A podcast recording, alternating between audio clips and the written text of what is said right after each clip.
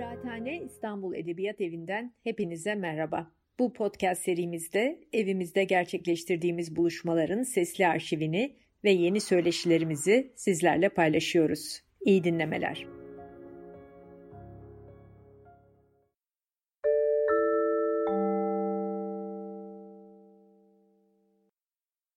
Welcome to Kirathane, the Istanbul Literature House. Kirathane'ye hoş geldiniz İstanbul Edebiyat Evi. Uh, ismim Andrew Finkel, bu toplantının moderatörü olacağım ve konumuz yeni yoksullar. Uh, ama toplantı İngilizce olarak devam edecek. Uh, benim için büyük bir mutluluk yapıyor. Çünkü alt ya, ilk defa alt yazıyla benim hafif şiveyle Türkçesi daha iyi anlay anlay anlayabileceksiniz. Um, my name is Andrew Finkel. I'm the moderator of this meeting, which will be discussing the new poor. Um, the World Bank defines the new poor quite simply as those who were expected not to be poor in 2020, the year of the great pandemic, but who are now poor. So, however banal or tautological this definition may seem, uh, the social phenomenon it describes is truly staggering. Um, again, um, the bank estimates that last year extreme poverty rose for the first time in 20 years. And so we are talking about an additional 88 million to 115 million people who will be pushed into poverty, bringing the total to of extreme poverty between 700 and 729 million. The new poor are more urban, live in crowded conditions than the chronic poor. Um, I think we all understand intuitively why their numbers increase at a time of lockdown and social distancing. And yet we know the problem is not just COVID, but a whole Bermuda triangle of climate change, third world debt, and in some cases, armed conflict. Um, the immediate challenge we face is to emerge from the COVID 19 crisis as more just and equitable societies. And yet we are all too aware that the virus exploits not just vulnerabilities in human anatomy, but also those in human society. Um, this is a metaphor that a Turkish understands perhaps all too well. Uh, as a journalist, I have, I think, call them disturbing memories of covering the 1999 Izmit earthquake, a natural catastrophe, natural catastrophe, which with uncanny speed sought out the cracks in a system of ineffectual corrupt administration, along with the fault lines in the earth. And while there may have been no direct causal connection between that event and the economic crises of 2000 and 2001, there is much to suggest that the resulting wave of hardship and disillusionment did much to discredit really an entire post war political generation. So, in another insight, or perhaps another metaphor, we have acquired from the language of public health is that of interdependence and the artificial nature of international board boundaries. We know that however many vaccinations we receive, we are not really out of the wood while the virus, with all its variants and mutations, rages in, in the world uh, next door. And in the same way, huge uh, stimulus packages may kickstart developed economies, but are they truly inoculated? While grotesque poverty and inequality, governance issues, human rights abuse uh, remain checked, unchecked elsewhere.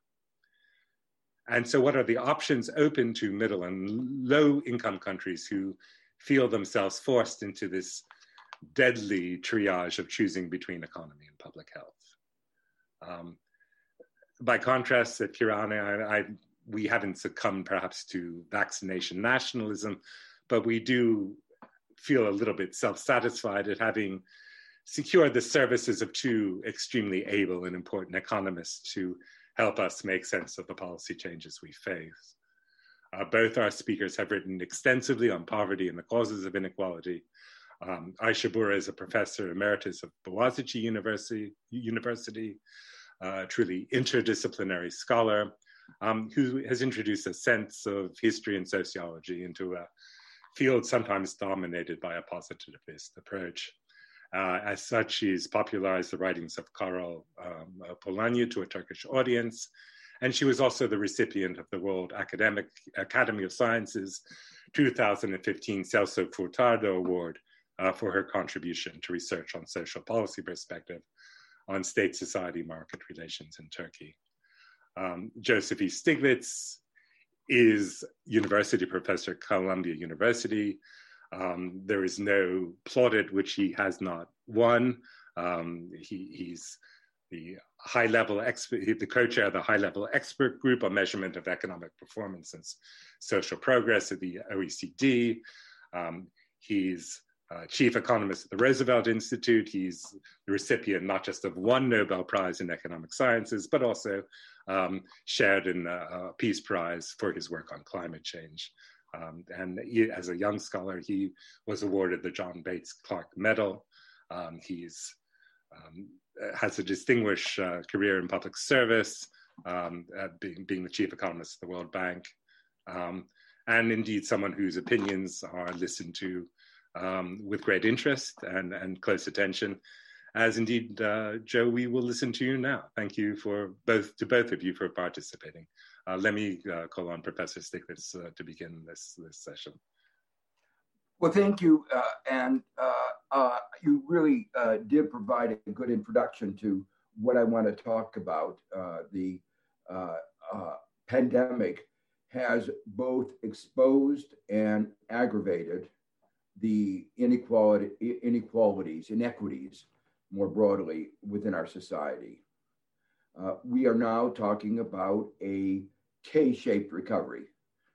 And the letter K emphasizes that uh, some are going to do very well at the top, uh, those at the bottom are facing increased prospects of prolonged poverty. The question I want to talk about is what does what we have experienced tell us about our economies before the crisis, about our societies?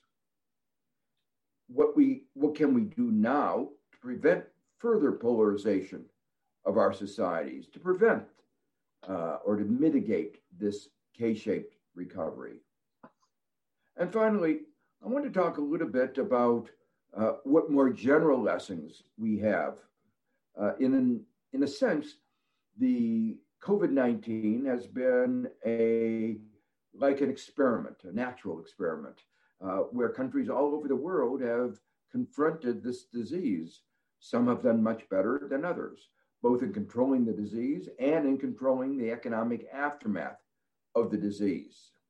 And so that makes raises the question uh, what makes for a good society, for a good economy, and not only at the national level, but also at the global level.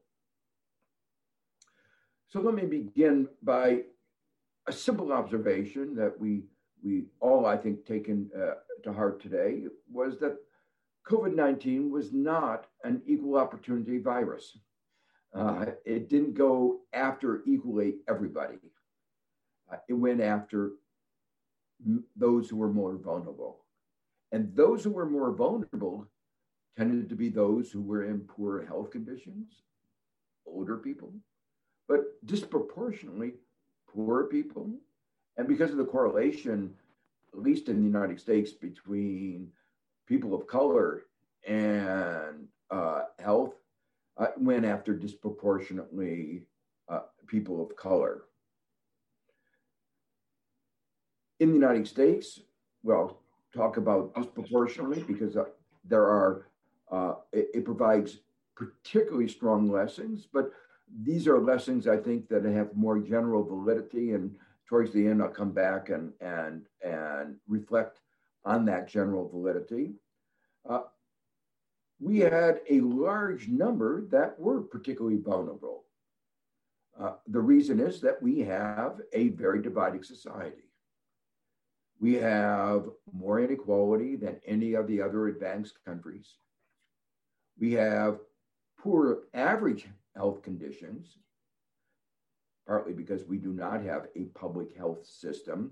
We don't have a national health service like in the UK or a health service like in France. We spend more money per capita than any other country by a large margin, but we get poor health conditions.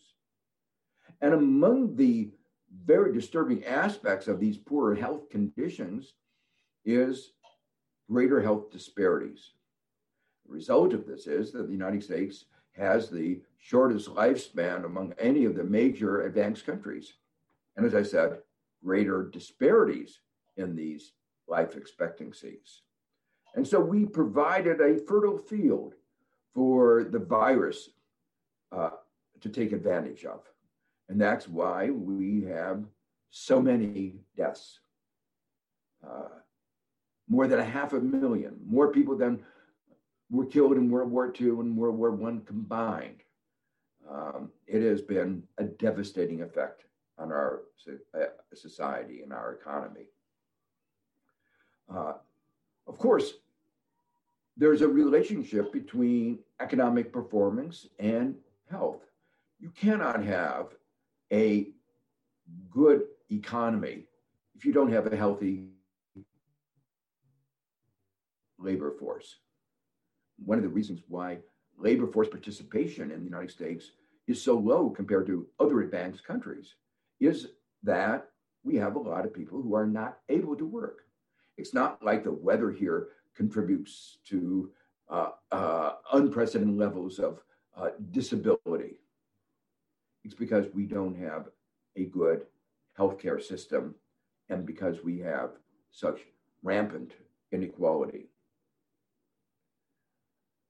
When we look more closely at the uh, um, way the disease spread uh, and what contributed to the spread in the United States, one of the things that, things that stands out is America's system of weak social protection. So not only did we have a good healthcare system, we didn't provide paid sick leave. Virtually every other advanced country provides paid sick leave. Why is that so important? Well, when you have about 40% or more of Americans living paycheck to paycheck, and when these individuals get COVID 19, if they possibly go to can go to work, they do. And when they go to work, that facilitates the spread of the disease. Early on, Congress recognized this risk. And so they worked to pass legislation to provide mandatory paid sick leave for uh, all Americans. But then our largest corporations, selfish and short sighted, lobbied and lobbied successfully to be exempt. So not only do small, our small employer, employers exempt, but so are all employers with more than 500 employees, meaning well over three fourths of Americans are not covered by mandatory paid sick leave. And that, of course, facilitated the spread of the disease. But this kind of behavior on the part of our large corporations reflected and aggravated another aspect of our society a lack of solidarity, a lack of trust. Public health is essentially concerned about an externality. One person can give a disease to another. The best way of controlling this externality is each individual respects others. And so they don't inflict this externality, this cost on others. The best way of controlling the disease is social distancing, wearing masks, making sure that if one is sick, one, one doesn't uh, uh, come in contact with others. These are, for the most part, voluntary actions. No government can really effectively implement these.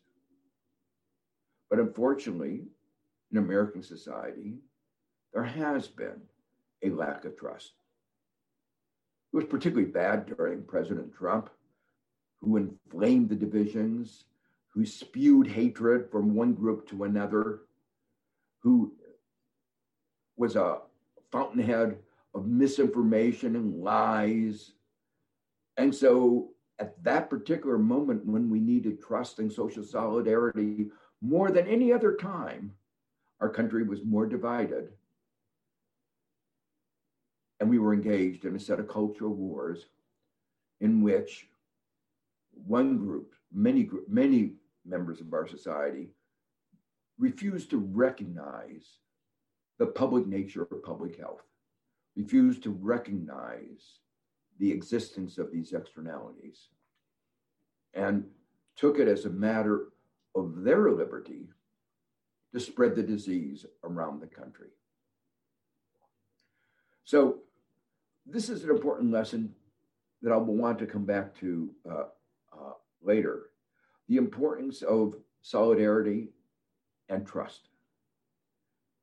Uh, but the undermining of that obviously contributed to the disease and the magnitude of the inequalities, the divides in our society contributed in turn to this great divide and the lack of trust that I've mentioned. The divisions in the way the disease affected different parts of our society were evident from early data. It showed the death rates different from different groups in our population, but it also showed up in the economic data. One of the, the very interesting aspects of what has happened is that we now have real time data available we can see on a daily basis how much people spend their credit cards and the debit cards. Uh, we have real time transaction data. And this enabled us to monitor more closely what was going on in a, a set of events that were uh, unprecedented. And, and so we really didn't have much basis to know exactly how things would unfold. What we saw very clearly was those at the bottom were behaving differently from those at the top. Those at the top kept their jobs. Those at the top, by and large, were able to uh, continue working on Zoom, uh, continue working remotely. Those at the bottom were disproportionately frontline workers. They were more exposed to the disease, but they had to continue to be exposed to the disease to continue doing the work they did. Moreover, their savings rates were very, very low. When they got a check, when they got the $1,400 from the US government, they spent it. They were living hand to mouth. On the other hand, those at the top had unprecedented savings rate. So high, in fact, that the average savings rate for the United States, normally two, three, four percent, soared in the third quarter, second quarter of, uh, of the year to 25%. Unprecedented in our history. Uh, the weak unemployment insurance system in the United States meant that many could not get unemployment insurance when they lost their jobs. When they did get it, it would have to often be weeks before the money, the checks were delivered. There was no real safety net. Interestingly, some poorer countries did so much better. Argentina made a decision to provide money to children in poverty. And within four days, the money was in the bank accounts of the parents. With in the United States, with private health care so important, it was very important to keep the link between workers and their jobs. When workers lost their jobs, they lost their health care. Last thing you would want to do to lose your health care in the middle of a pandemic. And that meant a greater burden put on Medicaid, our program uh, for the uh, healthcare for the uh, poor. But in spite of this importance of keeping individuals, workers linked with the firms, we failed. We failed absolutely, and we failed in comparison with the programs that were undertaken in Europe and New Zealand and many other countries around the world. Um, the uh, there are many other aspects of the design of our programs in the early days last spring that didn't work well. Uh, the so much of the delivery of healthcare and education is a responsibility of local and state governments. Local and state governments have balanced budget frameworks. That means when their revenues go down, they have to cut spending. And the revenues did go down as the pandemic uh, took force. But an incompetent administration in Washington, a selfish administration in Washington, didn't want to provide assistance. And so the ability to provide education, health, and basic welfare services was inhibited. We all knew that the small businesses would be among the most vulnerable. We knew that there would be what economists refer to as hysteresis effects, that when a company goes bankrupt, when the pandemic goes away, it doesn't go unbankrupt. The effects would be, uh, long lasting. But when we design programs to help the poor, they were administered in a way to help the bigger firms, those that were more connected, those that were connected with the bigger banks. And so, again, there was a, set of inequities that was, I would say, unconscionable. But there was one aspect of the response to the COVID 19 in the United States that differentiated it from those in other countries. It was poorly designed, as I've said, but it was massive. It was a bazooka. And that made a great deal of difference.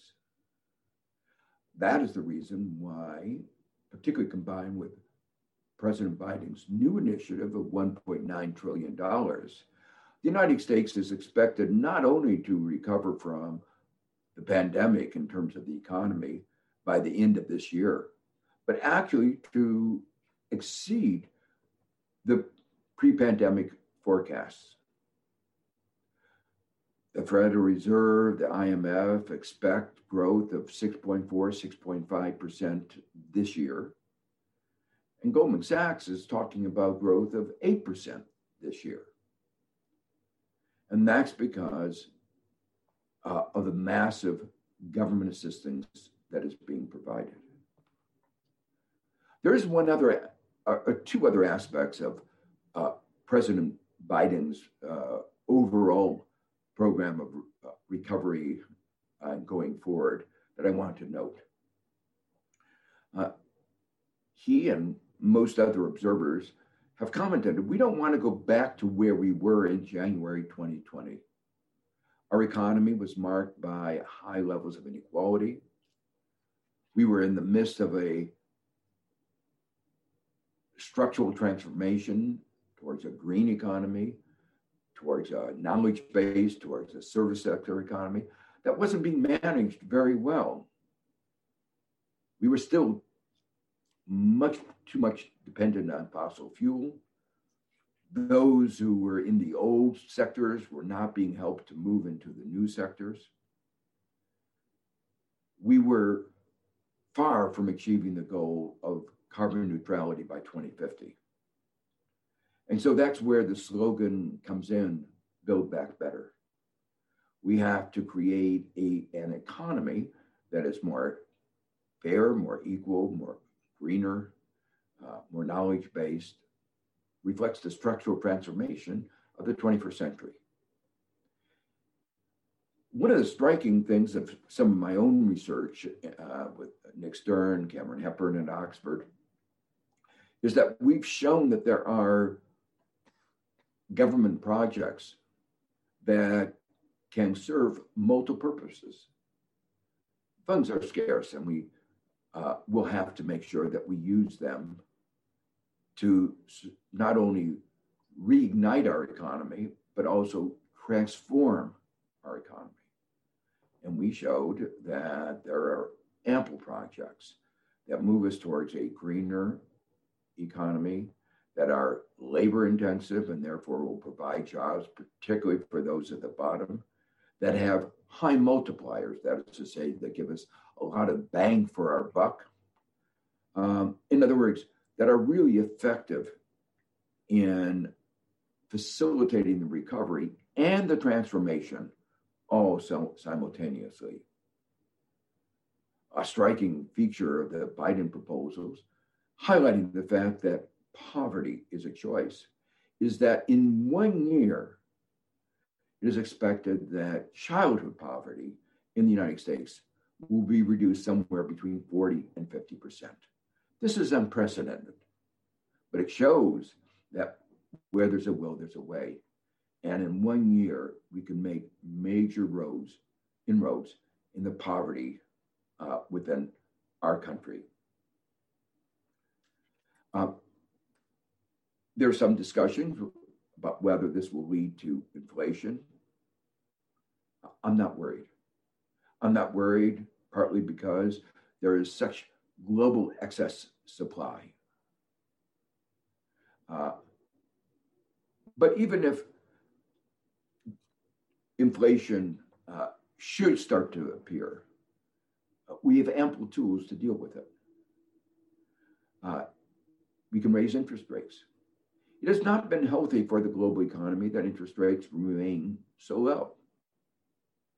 Uh, when you have interest rates near zero for now more than a dozen years, you distort capital markets. Risk is not priced correctly. No one really thinks the scarcity value of capital should be zero.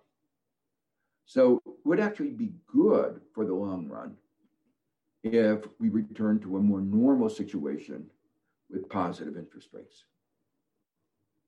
Moreover, at least in the United States,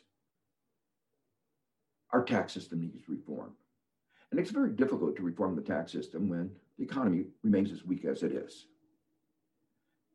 A stronger economy would enable us to correct the distortions in our tax system, make it more progressive, enable us to impose environmental taxes that help restructure our economy towards a greener economy, restructure our taxes to promote greater equality.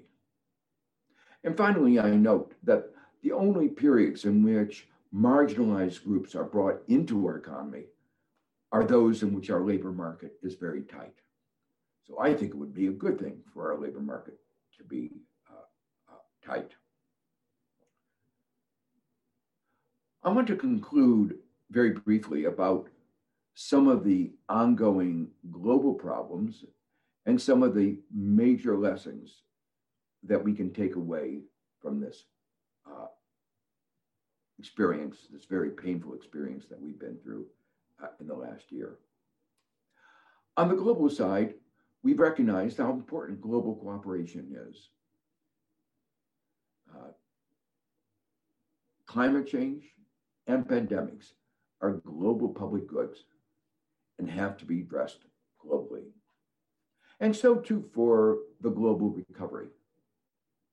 The pandemic won't be controlled unless it's controlled everywhere in the world. And this is especially true because of the mutations which can arise wherever that disease flourishes. And there won't be a strong global economic recovery until there's an uh, economic recovery in most nations around the world. The United States has spent close to 25% of its GDP in its recovery packages. Other countries simply can't afford that. There are tools that we have at our disposal. President Trump vetoed the use of these tools, but it, one of the good things is that we are now moving uh, considerable progress to the issuance of what is called IMF money, special drawing rights, uh, some $650 billion that will provide resources to developing countries and emerging markets. And there are initiatives in the advanced countries to recycle the SDRs that they don't need to those countries which are desperately in need of them. A second related issue is that many countries don't have the fiscal space to reignite the economy because they're mired in debt. We need to restructure that debt. In the past, the problem of debt restructuring has been too little, too late, facilitating crises which have such cost to societies, particularly the poorest within our societies. Unfortunately, in order to be successful, these debt restructurings have to be comprehensive. And unfortunately, some of the major creditors have been reluctant to participate, including many cases the Chinese government, in some cases, many most cases, the private sector. And so there's a big agenda ahead to try to uh, incentivize, force uh, the creditors to engage in this deep restructuring. Most importantly, we've seen an ugly side in vaccine and IPR nationalism. As I said, we won't control, we won't have a, uh, economic uh, revival until the disease is really under control. And it is only through the vaccines and the therapeutics that it would be brought under control. And it is therefore imperative that all possible production facilities be put to play, put to work. But unfortunately, under the current arrangements, intellectual property rights are acting as a barrier. There is a provision under TRIPS for compulsory licenses, but that delays the uh, access. Why have the delay when so much is at stake? And yet, our selfish drug companies are saying exactly that.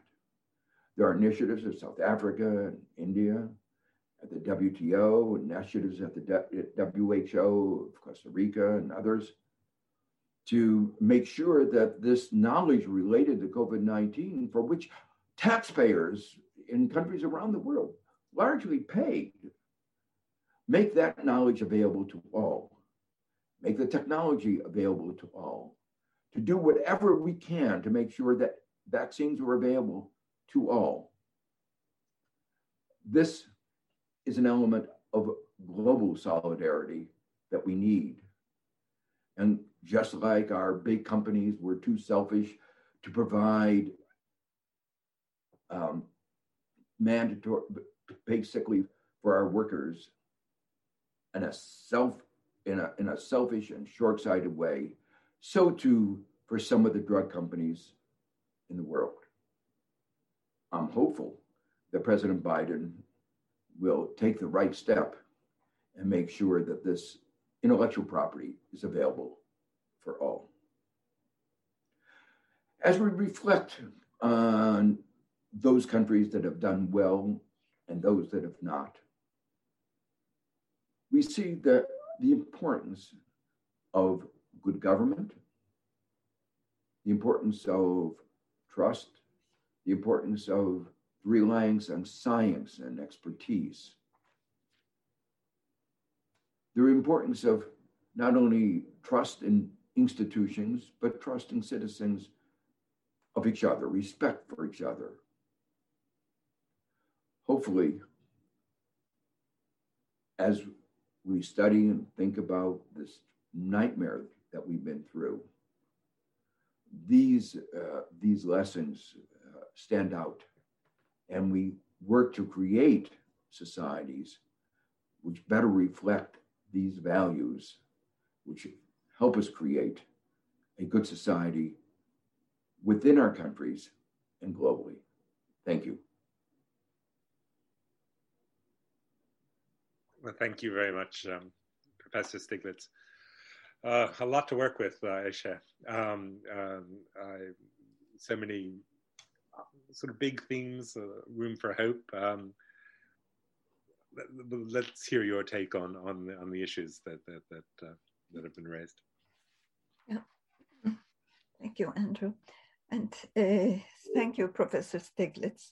In with with what you have been writing, uh, not only during the pandemic, but also before the pandemic on globalization and the global economy, you have shown something which I think must be central to all discussions on the current health and economic crisis. Uh, you have shown that uh, at the background to the current health crisis and economic crisis, there is an inequality crisis. There is an inequality crisis which must be addressed uh, during the early response, short-term response to the crisis, to the pandemic and the economic recession caused by the pandemic. And of course, uh, uh, when thinking about what will come after the pandemic. Now, um, when we discuss uh, the, the crisis, health crisis, and the economic crisis, uh, we are also thinking about the, at least I am thinking about the transformative potential of a major crisis. So the question of what can be expected uh, to change uh, after the after the uh, after the pandemic is on the agenda, and it's important, I think, to keep it on the agenda because uh, the pre-pandemic world, the pre-pandemic world uh, was not exactly a just, equal, secure place not a place where uh, trust and cooperation prevailed. So uh, it would be good if the, this awful crisis uh, becomes instrumental in bringing about a change in, in, in what we had. Now, uh, we know, of course, that the late 20th century globalization came with a new model of capitalist regulation, uh, where uh, the emphasis on international competition uh, is very important. And the emphasis of trade, the emphasis of the expansion of trade and foreign investment uh, has been the central concern of the approaches to economic development. The logic of market exchange has expanded to all areas which uh, were previously out of the domain of, of uh, exchange relations, including uh, areas such as health and education and social care. Uh, and people throughout the world uh, have been expected to adapt to the requirements of flexible employment. Now, in this context, I find it difficult not to think of the analogies between the 19th century global market economy that Polanyi discussed in The Great Transformation.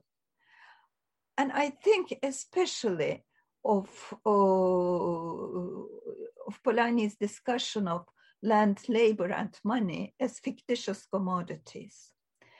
Uh, I think that today, in the context of uh, international trade related intellectual property rights, we can add a, add a, add a fourth uh, fictitious commodity to the original list, the knowledge. And um, um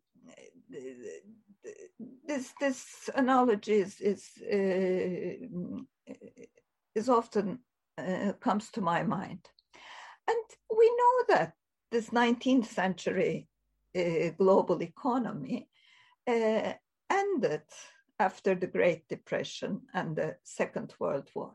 So it ended with crisis and a new global order, new international order emerged with uh, Keynesian welfare state in developed countries, national developmentalist models in developing countries, and the Bretton Woods system uh, in the international system, in the international order.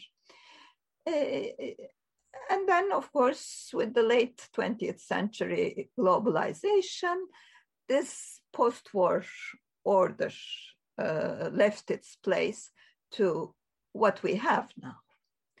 What we have now. So, um, what can we expect after this, this pandemic and this health and economic crisis?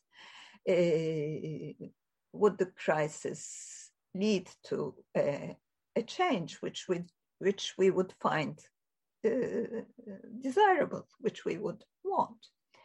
Now, uh, when, uh, when I think of the short term uh, response to the crisis in developed countries, in developed capitalist countries, I find some room for a cautious optimism.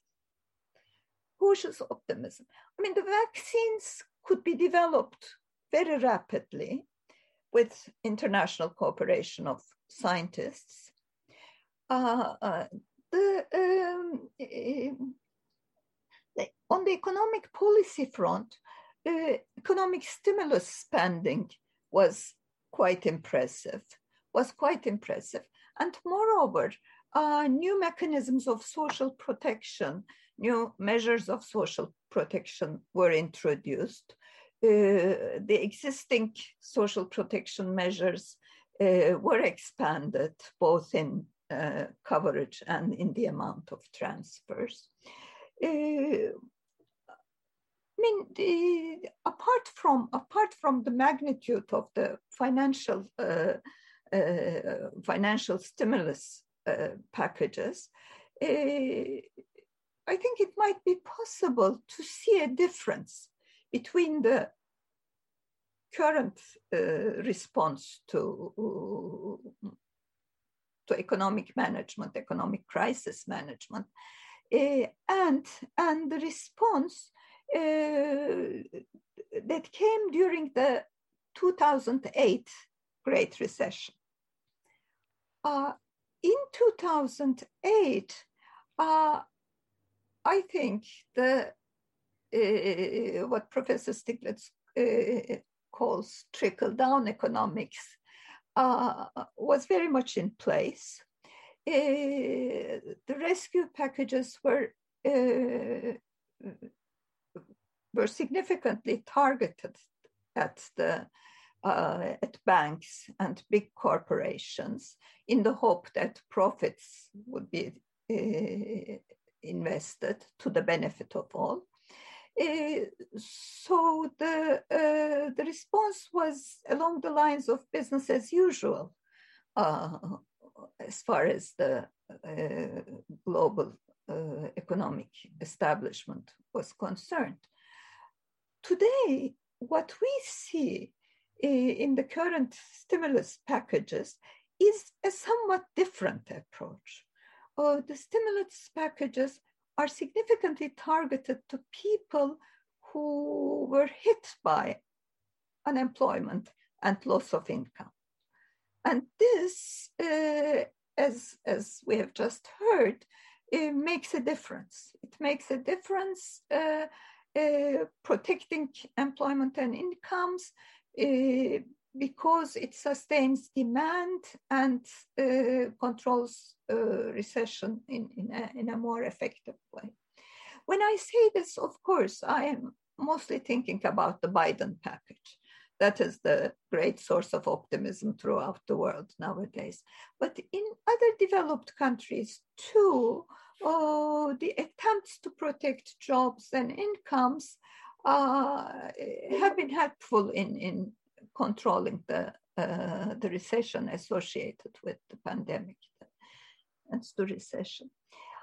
Now, of course, these observations hardly uh, apply to the world at large. Um, uh, the um, access to vaccines and, and medical trade treatment have been obscenely unequal. Uh, in a report uh, by um, uh, the Institute of Institute for New Eco- uh, Economics uh, Commission um, uh, on Global Transformation, mentions the inequalities in access to vaccination, and in that report, which appeared last month, which appeared last month, we read that at the time of the writing of the report, 130 countries of the world had not yet administered one single vaccine. So the, this, the, this is, of course, uh, one indicator of the kind of inequalities that, that exist in, in access to access to medical treatment and access to health services. And this takes place in the context of uh, the uh, trade related uh, intellectual property rights regime. And as Professor Stiglitz uh, mentioned, um, the commitment to the protection of intellectual property rights, trade related intellectual property rights, blocks the attempts to, uh, to distribute and to produce uh, life saving medication.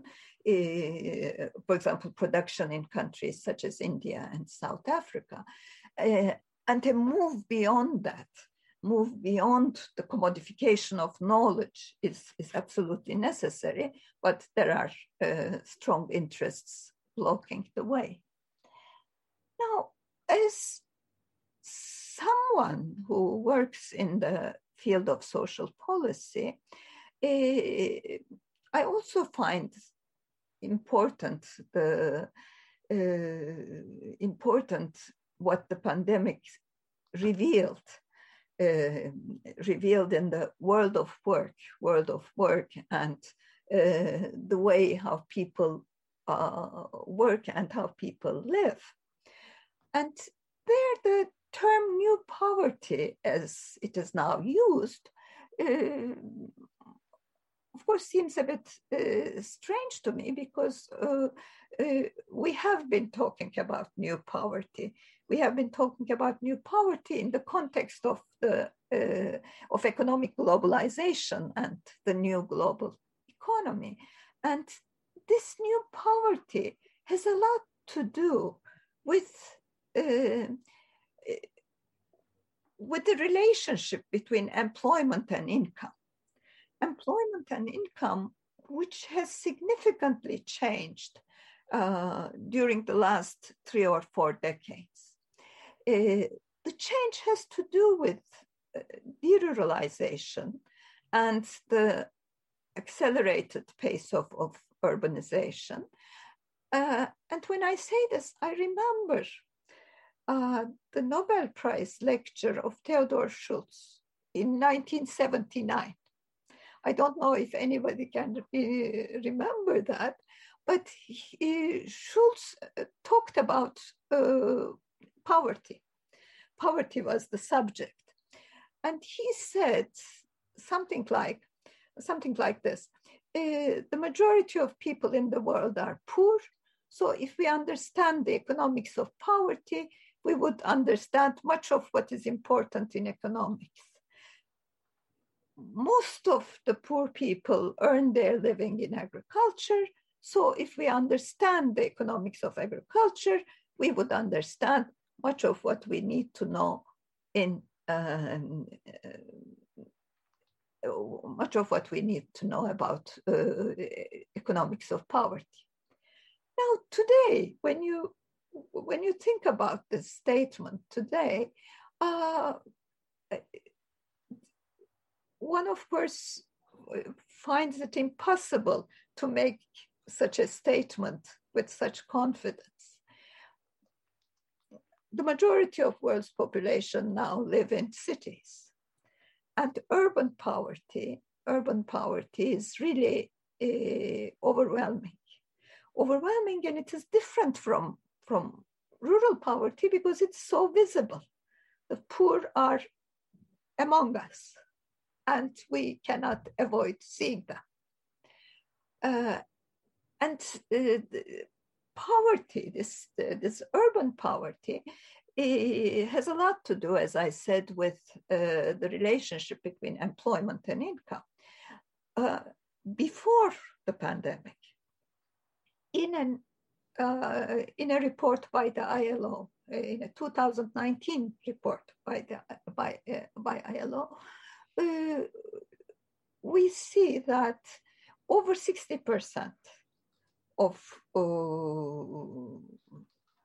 of people, of, of employed people, are in informal employment throughout the world. Uh, one in poor people, one in, sorry, one in four persons employed in low and middle income countries live in extreme or moderate poverty. 55% of the global population do not have any social security. I mean, it, when one thinks of these figures, with, with these figures in mind, it, one feels like asking, what happened to these people?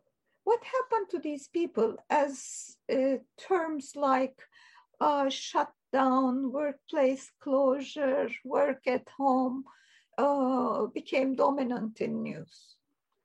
Uh, I mean, the, the, in uh, the ILO publications, it is often discussed that um, where employment is informal, uh, where there's no social security, uh, people have to work in order to survive, no matter what happens.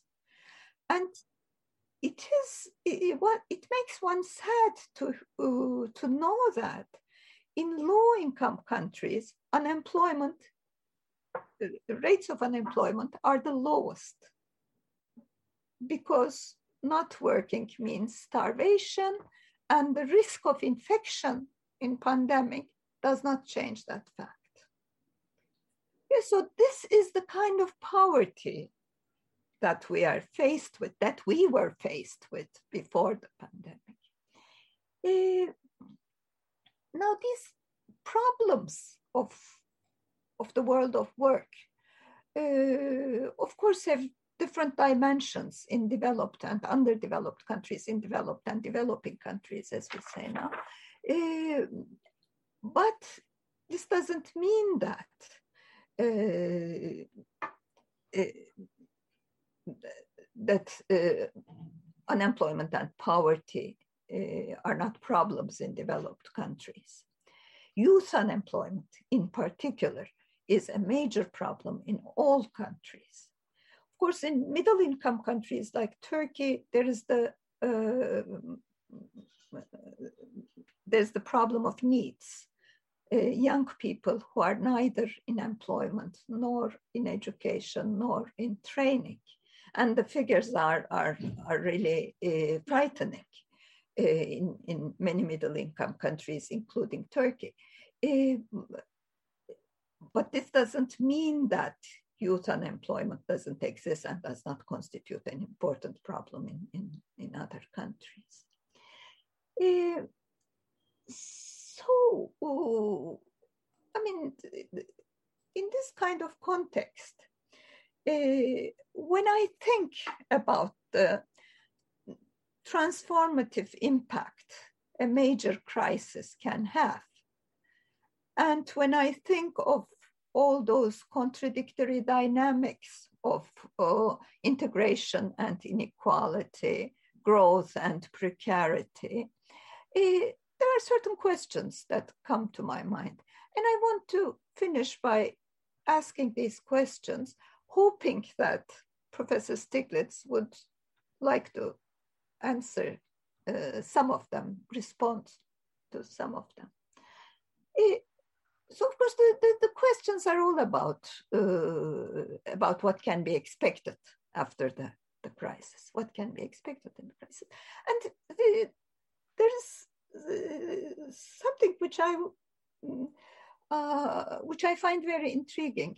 Is there a difference between the transformative impact a,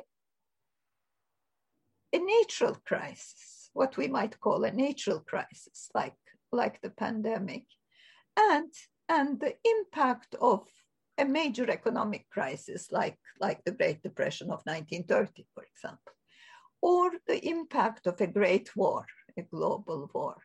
Oh, would there be differences between them? This this is a question that uh, that I find interesting, and I have no answer, of course. Uh, then, in relation to the commodity fiction uh, related to knowledge, commodity fiction in relation to knowledge, I wonder whether um,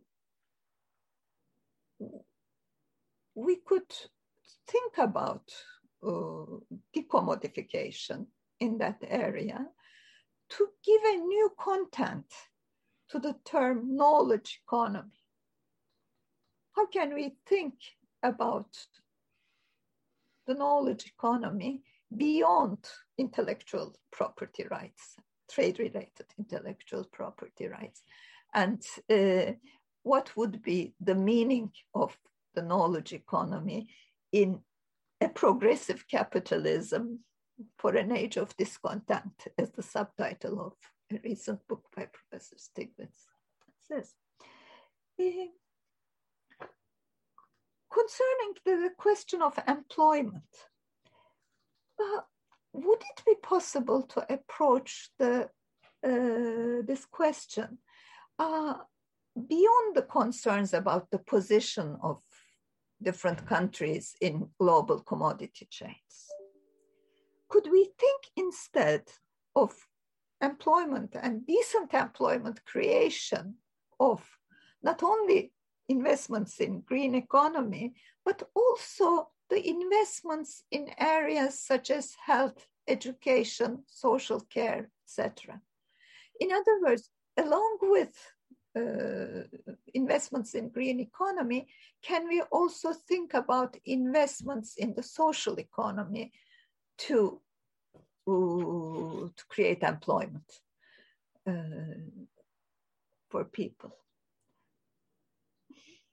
Of course, this would mean, this type of approach would mean uh, creating employment through investments in the uh, in health education and uh, uh social care in areas such as this, oh, would require a different approach to economic policy, uh, where countries would be allowed to have some institutional diversity and policy diversity. Could that be possible? Could, could, uh, can we imagine an economy where that kind of diversity would happen before, without, without uh, strong protectionist tendencies and without also, without also the aggravation of uh, the current, currently very salient tendencies in global politics. And I mean the authoritarian tendencies with deviations from the norms of democracy and the rule of law. Uh, I mean, uh, you see, uh, more room for political intervention can be necessary to have uh, uh, to have perhaps healthier uh, uh to to have healthier policy approaches uh, with more institutional diversity and policy diversity. But this would this be uh, would this be possible? And if this is not possible, could we really have the option of returning to business as usual without the aggravation of already existing uh, unpleasant political trends uh, towards authoritarianism in the world. And I want to end here. Uh, thank you. Thank you very much, Ayşe. Um, a lot of questions there, a lot of a gem of optimism in a in a, a setting of pessimism. I think I, I, I would say. Um, um, we don't have a huge amount of time, but I but if, if Professor Stiglitz wants to respond to some of those very good and many questions, um, we'd be anxious to hear what his thoughts are. So let me let me uh, first. Uh, I mean, thank you very much for that discussion. And and uh, since I was um, uh, very involved in the uh, INET report uh, th- that of our global commission that you cited, I, am very pleased that it got the it got some attention because we were trying to highlight this this issue of the inequities in access to vaccines and and other COVID 19 medicines. Um, there are uh, three points I want to uh, mention just very briefly. Um, I think first, uh, as we emerge, at least uh, in the United States, from this uh, COVID 19, uh, I think the post COVID world is already shaping up to be markedly different. But there is a kind of precariousness in the politics that I want to mention. Uh, just like after World War II, uh, uh, just after uh, uh, and after other, you might say, uh, crises, um, we understand the critical role of government. we can't on our own respond to these crises. It really took collective action to respond adequately, uh, it can generate a uh, new sense of solidarity. And that sense of solidarity in the United States after World War II and in Europe led to an era of unprecedented solidarity, equality, and interestingly, high economic growth. Uh, and I think these all go together. Uh, public investments, uh, uh, and you see that very strongly reflected in the Biden policies and in the discussion that is going around. the you know the progressive agenda, which emphasizes the important role of collective action, the important role of government investments, the important role uh, of uh, uh, working together um, it, it, has been very successful. And uh, it is now, you know, these are ideas that have been long supported by a majority of Americans, but it looks like they are being put into place. Uh, and I mentioned this uh, uh, the, the, the program that was already, the $1.9 trillion that was already passed, is scheduled to reduce poverty among children by 40 to 50%. So uh, there's a lot of discussion in the United States about the end of neoliberalism. That uh, that set of economic doctrines, which did not work, uh, which uh, uh led to slower growth and a, a more divided society, um, this has been the moment I think uh, that has put, you might say, the nail uh, in the coffin of neoliberalism. So I hope that's uh, the case. Um, the second thing that uh, you mentioned, I agree with very strongly, is as we think as we think about investments, um, uh, we uh, as we think about investments, uh, we want to um, uh, think not narrowly just about bricks and mortar roads. Uh, it is uh, the entire investment in our people, in knowledge, and the caring economy. Uh, that's absolutely essential, at least in the vision that is being discussed. Uh, our people are our important, most important assets, and so investing in people is going to be critical.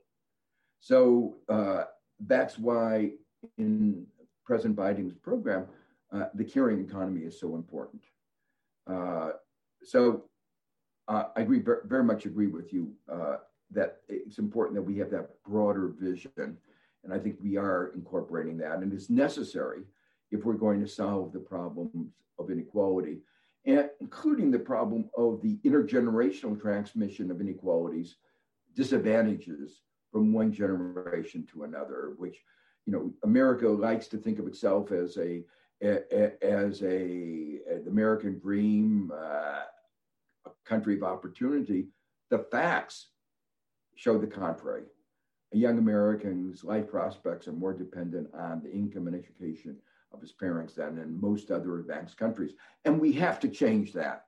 And we recognize this, this problem. And I think we're, we, I'm hopeful that this experience, this collective experience that we've all gone through, results in a kind of shared solidarity that will enable us to really uh, uh, uh, address these issues. Thirdly, we, we've seen not only the importance of collective action, the importance of having good government, uh, an effective state, we've also seen some of the weaknesses of the private sector.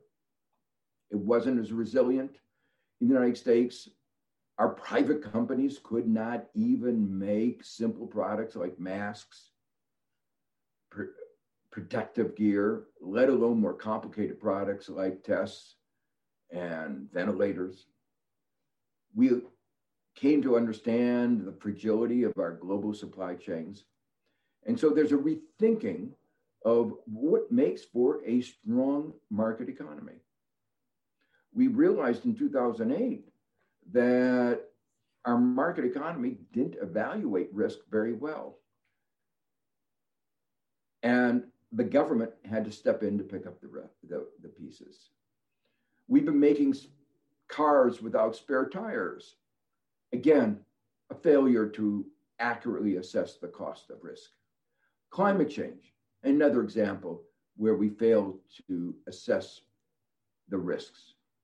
And so, as we understand more the limitations of the private sector, we're going to have to reconstruct the foundations of this new balance between the market state and civil society. Finally, on the one of the areas of concern that I did not have a chance to share, I mentioned uh, the precariousness, precariousness of our politics. Uh, in the United States, the fact that more than 70 million Americans voted for Donald Trump,